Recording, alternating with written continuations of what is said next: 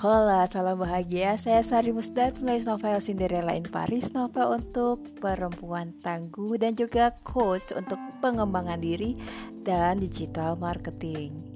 Untuk teman-teman yang baru menemukan podcast Sari Musdar baik di Anchor atau Spotify, salam kenalan dulu. Cipika-cipiki uh, apa sih ini uh, podcast Sari Musdar? Podcast Sari Musdar uh, lebih senang untuk membahas tentang pengembangan diri, self love atau self healing, meditasi, uh, dan juga tentang dunia kerja. Kali ini saya mau membahas tentang etika bermedsos terutama di wall orang ya ini untuk uh, Facebook atau Instagram ya. Kalau Twitter kayaknya mm, masih adapta masih bisa digunakan sih sebenarnya. E, karena kadang-kadang orang mengira media sosial itu dunia maya, tidak langsung face to face apalagi kalau temenan yang bukan di alam nyata kita nggak pernah ketemuan gitu. Kadang-kadang orang jadi seenaknya.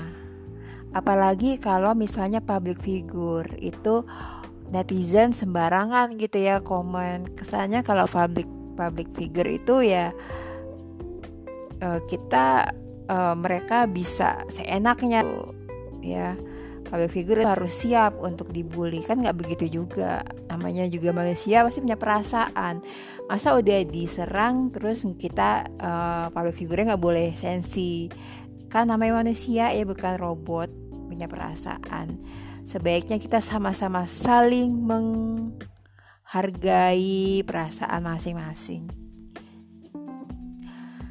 Langsung aja saya mau share tips untuk etika bermedsos di terutama di wall orang lain, entah itu wall Facebook atau di feed uh, di konten Instagram orang lain. Yang pertama, kalau misalnya kamu nggak suka sama temen kamu, mendingan skip. Mungkin kamu lagi nggak mood atau mungkin kamu lagi nggak suka sama teman kamu, teman uh, Facebook atau Instagram kamu lebih baik skip. Yang kedua, medsos itu kan tujuannya untuk silaturahim, bukan untuk cari musuh. Kalau kamu nggak bisa kasih komen positif atau komen yang menyenangkan, lebih baik tahan jari-jari kamu. Atau mungkin kamu tahan untuk nggak muka medsos atau kamu tahan untuk nggak megang HP kamu di saat mood atau kamu lagi mood kamu lagi buruk atau kamu lagi galau atau kamu harus jujur pada diri sendiri. Mungkin kamunya yang perlu diterapi atau di healing. Yang ketiga, kalau kamu nggak kenal dekat, tapi kamu penasaran sama maksud status orang di Facebook atau caption Instagram, lebih baik inbox, DM, direct message. Jangan kamu menghakimi, jangan kamu mengambil asumsi berdasarkan pengetahuan yang terbatas tentang orang tersebut. Apalagi kamu jadi bosi di wall atau akun dia. Berasa level kamu di atas dia, kecuali memang kamu bener bos dia atau orang yang menggaji dia. Yang keempat, enggak semua status di Facebook atau caption di Instagram ditulis dengan maksud serius. Kadang-kadang orang nulis sambil nunggu MRT, nunggu KRL, nunggu Transjakarta. Ya mereka nulis asal nulis gitu loh, nggak dipikir-pikir seperti nulis skripsi, tesis atau uh, paper untuk akademisi. Jadi ya jangan baper. Yang kelima, kalau suasana hati kamu lagi gak enak, jangan buka mesos. Lebih baik jangan daripada kamu nyesel, kamu udah posting sesuatu yang bikin orang kesel atau kamu posting hoax atau kamu posting ngedumel, kamu posting komplain tentang atasan kamu atau kamu komen di status orang yang mestinya orang itu lagi bahagia, kamu komennya nggak nyambung. Akhirnya kamu merampok kebahagiaan orang tersebut. Yang keenam, setiap orang nulis status di akun medsos mereka pasti mereka punya maksud dan latar belakang atau alasan yang hanya mereka sendiri yang tahu. Kamu nggak perlu kepo atau langsung menghakimi. Kamu harus belajar memaklumi.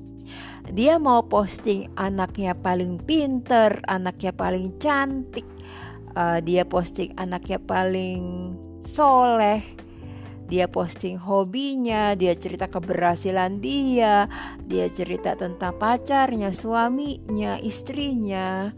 Ya, suka-suka dia selama itu nulisnya di wall dia. Kalau kamu mau ngedumel, yang ngedumel lah di akun sendiri.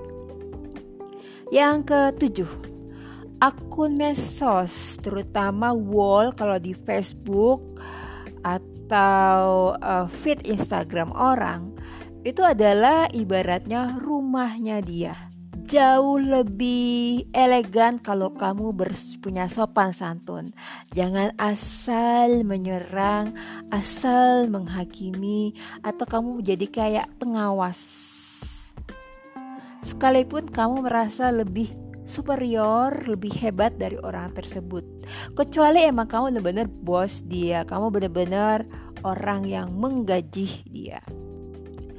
Yang kedelapan, kalau kamu gak suka sama orang, kalau komen kamu negatif terus ke orang itu atau beberapa orang, lebih baik jagalah hati, jangan kau kotori.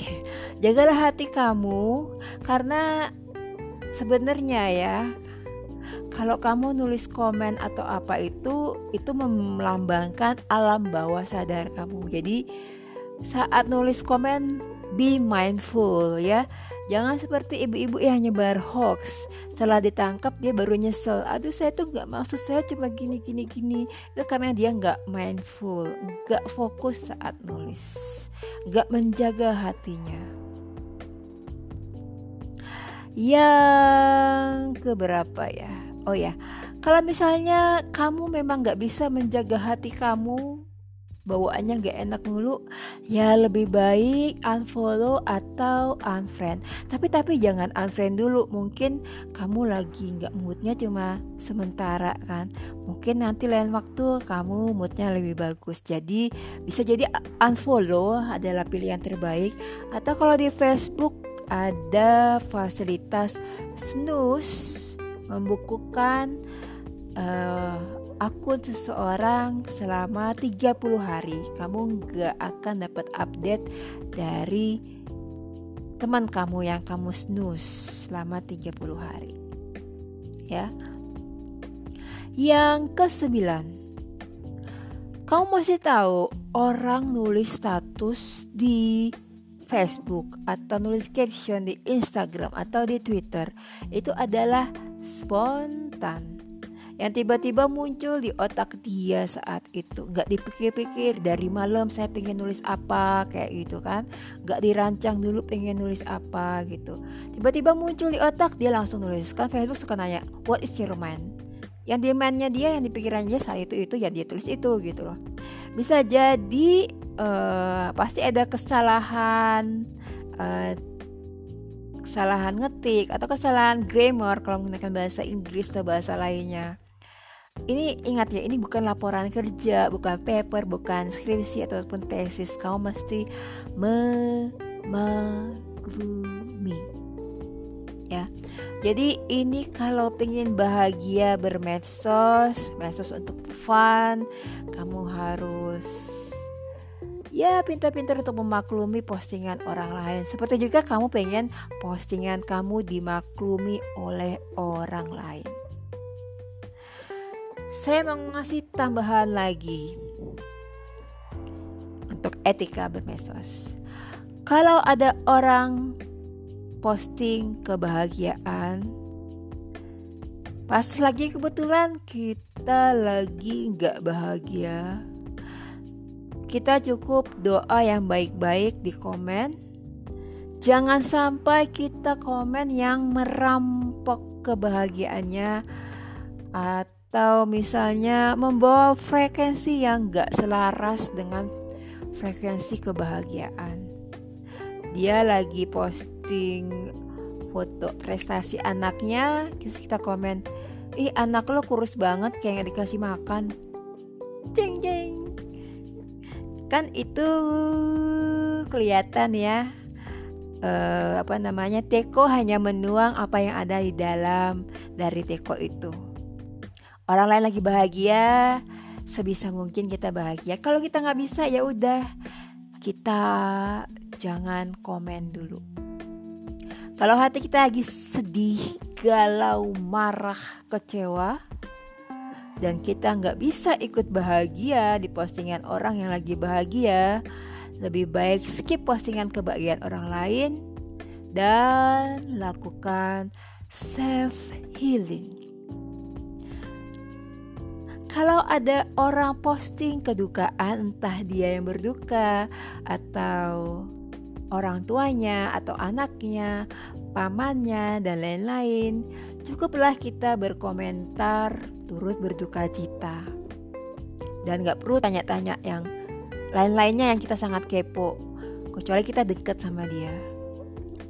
Kalau ada orang posting tentang sakit, entah itu dia yang sakit, anaknya, atau orang tuanya, Cukup kita komen dengan mendoakan supaya cepat diberikan kepulihan, supaya cepat diberikan diberikan kesembuhan.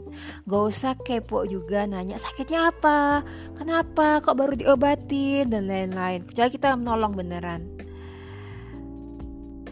Dan kecuali kita teman dekatnya dan dia suka rela, uh, tidak perlu dipaksa memberitahu apa penyakitnya atau penyakit anaknya atau penyakit orang tuanya.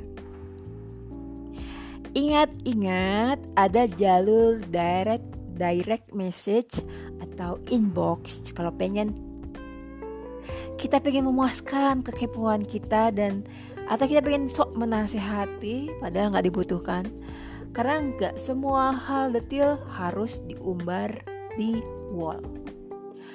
Ingat lagi tadi saya sudah bilang wall orang lain atau Instagram orang lain adalah rumah orang tersebut. Walaupun tidak secara fisik kita hadir, tapi tetaplah menjaga sopan santun. Berkomentarlah sambil membayangkan muka orang itu. Seolah-olah kita bertemu dengan orang tersebut. Orang zaman sekarang itu sayangnya cepat sekali berasumsi, mengambil kesimpulan dengan data minim dengan hanya kita mengepoin satu-statusnya orang tersebut. Padahal kadang-kadang orang nulis status ada yang pencitraan, ada yang asal aja nulis status yang terpikir saat itu. Terus kita asal berkomentar aja gitu.